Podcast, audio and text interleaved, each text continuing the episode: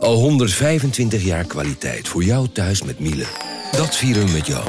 Ontvang nu tijdelijk een cashback tot 125 euro op veel Miele-apparatuur. Geniet van de kwaliteit van Miele. Voor perfect verzorgd wasgoed en kleding die veel langer mooi blijft. Voor een stralend schone vaat, even perfect als jouw diners. En een stofvrij thuis waarin echt hygiënisch schoon de standaard is.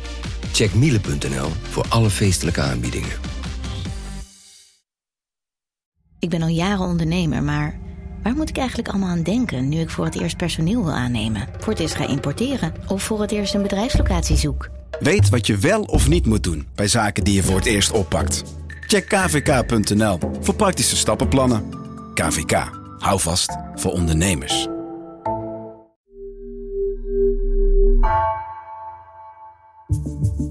Vanaf de redactie van NRC het verhaal van vandaag. Mijn naam is Gabriella Ader.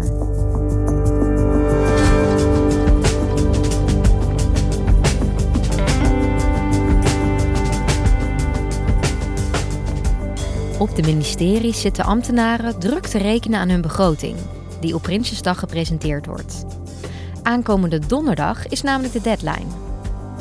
Financieel redacteur Rick Rutte vertelt wat we van deze begroting kunnen verwachten na een gevallen kabinet en jaren van steunmaatregelen.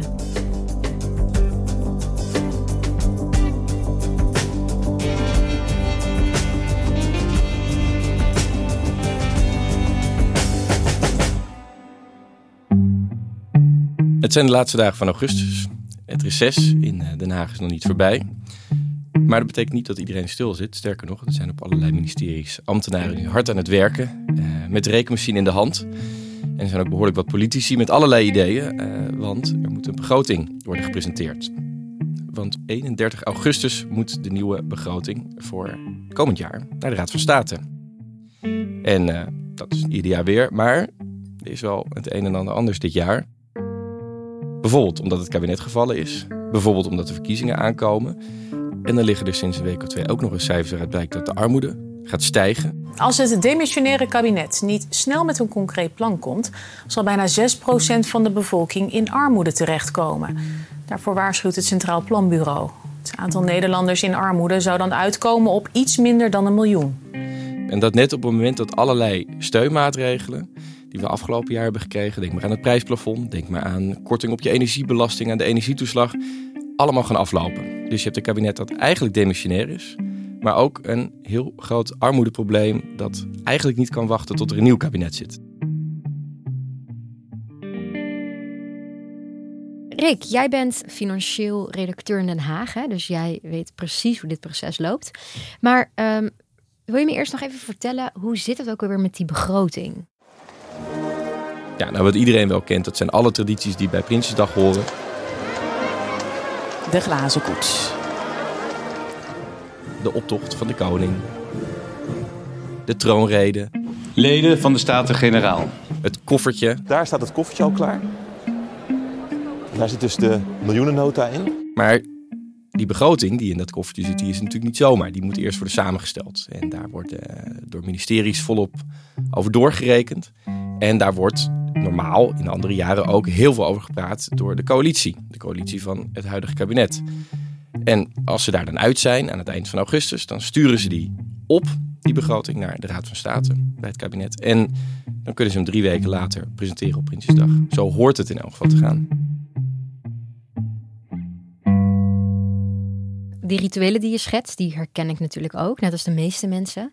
Maar goed, je noemde het al, nu is het kabinet gevallen. We hebben een demissionair kabinet. Dus wat betekent dat dan voor de begroting? Nou, het is goed om te bedenken dat een, een kabinet dat demissionair zit niet helemaal stil. Ze kunnen nog allerlei dingen wel doen. Het kabinet heeft bijvoorbeeld afgelopen week uh, aangekondigd dat er F-16's naar Oekraïne gaan. Uh, maar het idee is wel dat grote zaken, dat je die nog even laat wachten totdat er een nieuw kabinet aantreedt. En dat moet ook eigenlijk wel, want de coalitie van Rutte 4, van het huidige kabinet, die bestaat ook niet meer. En dat is heel belangrijk, want hoe werkt nou zo'n coalitie? Het hele nut van een coalitie is dat we dingen kunnen uitruilen. Dus bijvoorbeeld uh, als ik de VVD ben, dan neem ik misschien genoegen met een verhoging van de belastingen, een klein beetje, op benzine of uh, voor bedrijven. Nou, dat vind ik dan niet leuk, maar in ruil daarvoor zeg jij me toe dat uh, de defensieuitgaven omhoog kunnen gaan. En ja, zo hou je elkaar vast als coalitie. Maar nu het kabinet gevallen is en nu de coalitie niet meer bestaat, ja, is die drang die je dan zult hebben om je nog eens ergens voor op te offeren, om pijn te nemen, die is eigenlijk weg. Want hoe weet je nou in vredesnaam dat je daar nog iets voor terug gaat krijgen? Nou, als dat gebeurt, dan, dan ligt eigenlijk het hele veld open. Dus dan is er ineens van alles mogelijk. Nou, Ja. dit jaar krijgen we nog verkiezingen. Dan kan het alles net weer veranderen. Kan ook een moment zijn dat je juist nog iets wil bewijzen als partij. Maar dat wil maar zeggen dat het nu wel heel moeilijk is geworden om hele grote en vooral hele pijnlijke beslissingen samen te nemen. En zijn er dingen die je dit jaar gaat verwachten van het demissionair kabinet? Wat voor handeltjes er gedreven gaan worden? Ja, waar je eigenlijk eh, het beste naar kunt kijken zijn alle maatregelen die vorig jaar al genomen zijn. Toen zagen we net voor Prinsjesdag eh, dat de cijfers er heel slecht uitzagen voor heel veel mensen. En toen zijn er op het allerlaatste moment allerlei maatregelen aangekondigd. Zelfs nog op Prinsjesdag. Vandaag op Prinsjesdag trekt het kabinet daarom extra geld uit om mensen de winter door te helpen. Dat doen we door energie weer betaalbaarder te maken. Dan moet je eigenlijk bedenken dat we toen een enorm ravijn inkeken met z'n allen. Dat, dat koopkrachtravijn. En dat kabinet toen voor heel veel mensen te hulp is geschoten. Die hebben als het ware die mensen gezekerd. Er kwam een energietoeslag die via de gemeente werd uitgekeerd. De zorgtoeslag ging voor veel mensen omhoog. Eh, er was al eerder een belastingkorting ingevoerd die eh, verlengd werd. Nou, op al die manieren probeerde het kabinet die grootste klap van die energiecrisis...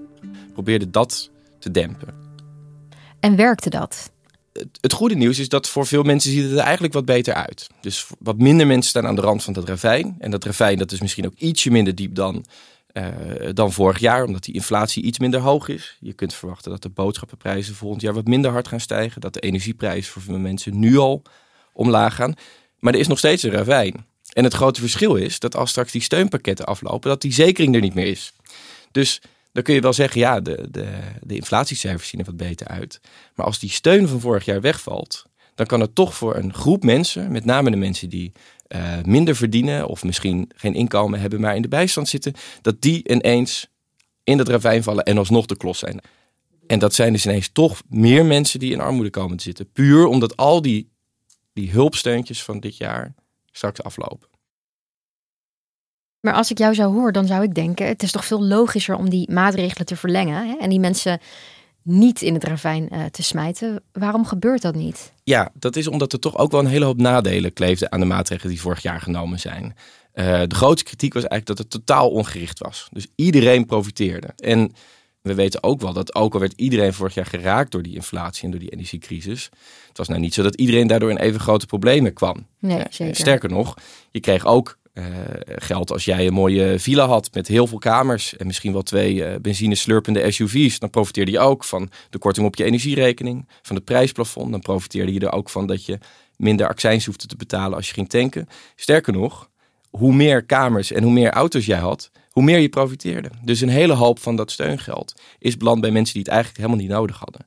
Nou, daarvan is gezegd, als we toch wat meer tijd hebben, en die hebben ze natuurlijk het afgelopen jaar gehad, hoe kun je dan toch zorgen dat mensen geholpen worden, zonder dat je ook, nou, alsof het een soort lossproeiende tuinslang is, alles en iedereen met geld aan het helpen bent.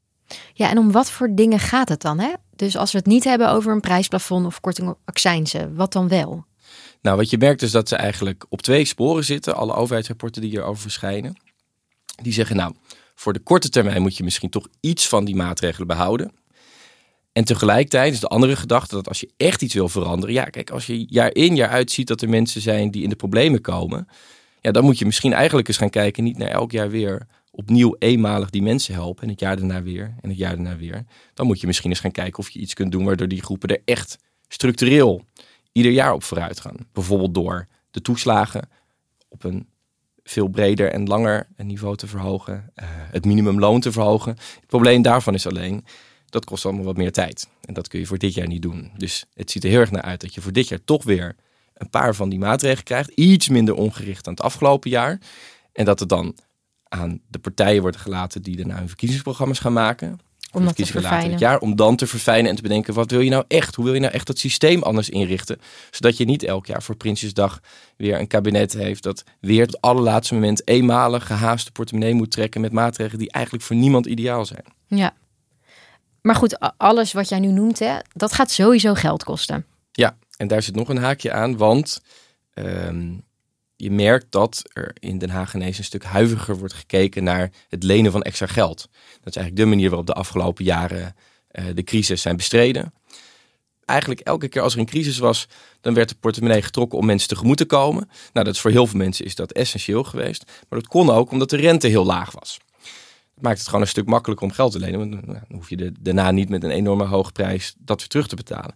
Maar ja, die rente die is flink gestegen. Ja, lenen kost gewoon veel meer geld. Lenen kost ineens een stuk meer geld. En dat betekent ook dat, zeker in Den Haag, waar iedereen toch al heel snel dan meteen in een soort uh, ja, angststuip ook schiet, dat iedereen een stuk huiveriger wordt. En je hoorde bijvoorbeeld minister Sigrid Kaag voor Financiën dit jaar al zeggen dat nu echt de tijd was gekomen om uh, ja, misschien wel te gaan bezuinigen.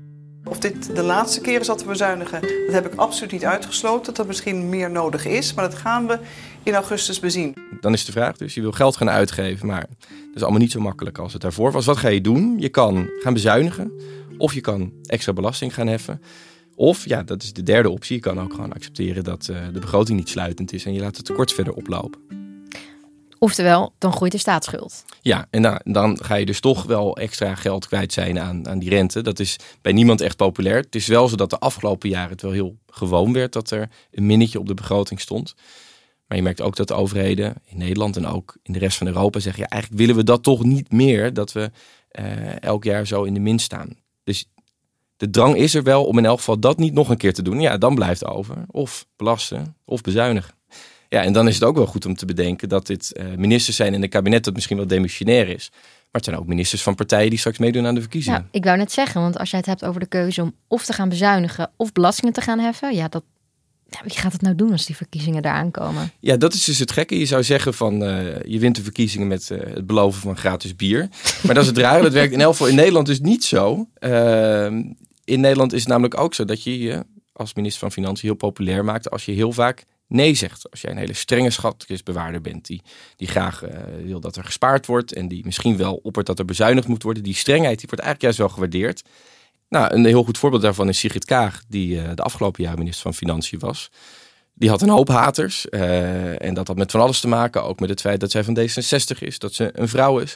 Maar je merkte ook dat het feit dat zij veel geld uitgaf aan compensatie voor mensen die met de energiecrisis te maken hadden, maar ook aan uh, een klimaatfonds en een stikstoffonds.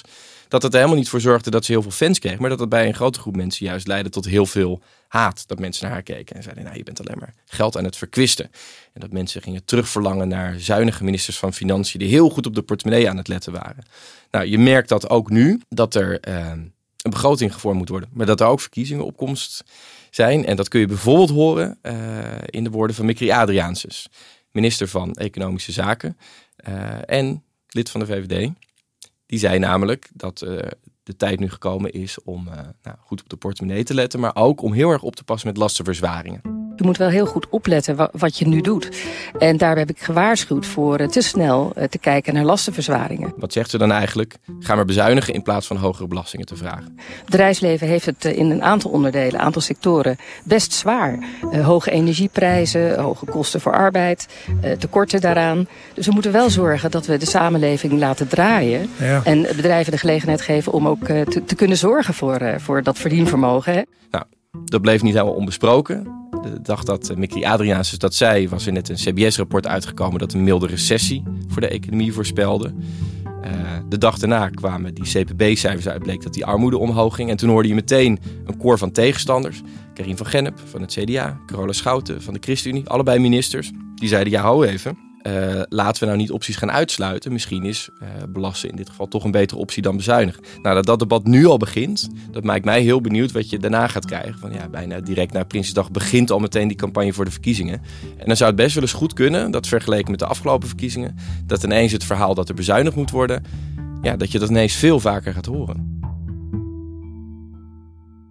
Want als we weer even teruggaan hè, naar die begrotingen, die moet donderdag ingeleverd worden. Maar is er een optie dat ja, men het helemaal niet eens gaat worden hierover en dat er dus geen begroting komt? Ja, het is echt bijna een ondenkbaar scenario. Vooral omdat het kabinet toch eigenlijk wel met iets wil komen. Omdat die deadline van de Raad van State, ja, die ligt er gewoon. Maar het is wel goed om te bedenken dat stel nou dat ze zouden zeggen... we gaan door uh, en we veranderen helemaal niks...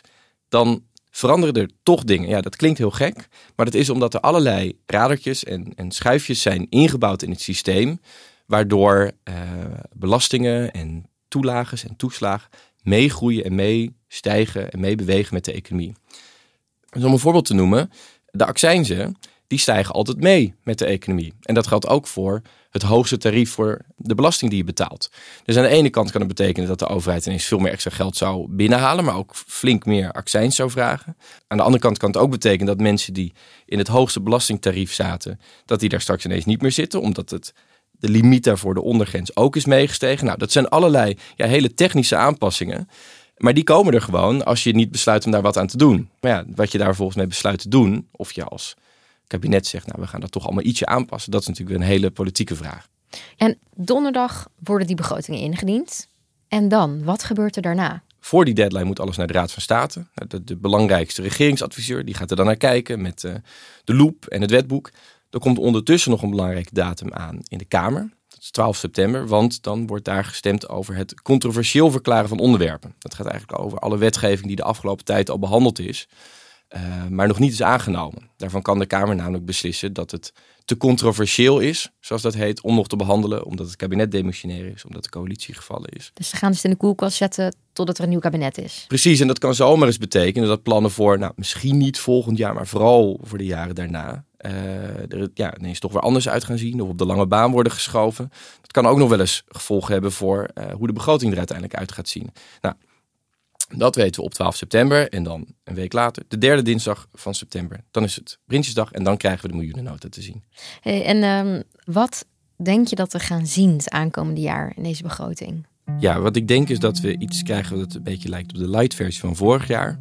Iets minder gehaast, iets minder groot, maar toch weer een plan om in elk geval die groep die nu alsnog in het ravijn dreigt te vallen, opnieuw te zekeren, opnieuw overeind te houden. En dat dan de grote plannen, alle ideeën over misschien wel een hele omvorming van het toeslagenstelsel, misschien wel een, een, een, nieuwe verhoging van het minimumloon, dat die worden bewaard verlaten. Dat de partijen daarover kunnen gaan stoeien in verkiezingsdebatten en dat dat de plek wordt waar al die grote plannen worden uitgewerkt. Ja, en in de tussentijd ben ik dan heel benieuwd. Eén, wat gaat er dan gebeuren met de koopkracht? Lukt het inderdaad om die mensen die nu in de problemen dreigen te komen, lukt het om die mensen overeind te houden?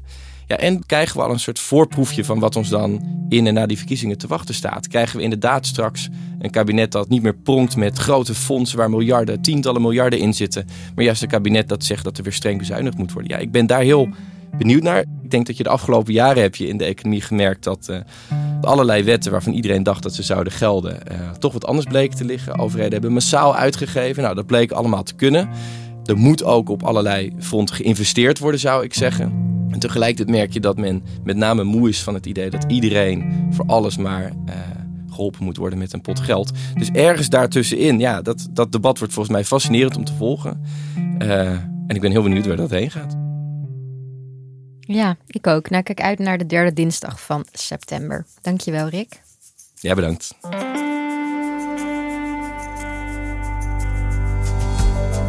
Je luisterde naar vandaag, een podcast van NRC.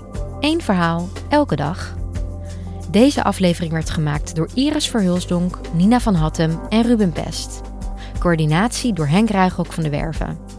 Dit was vandaag, morgen weer.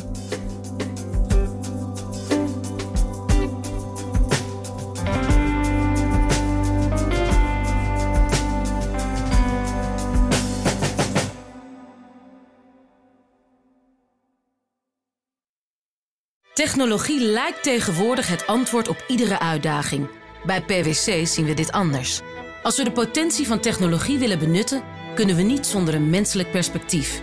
Human-led, tech-powered noemen we dat. Ga naar pwc.nl.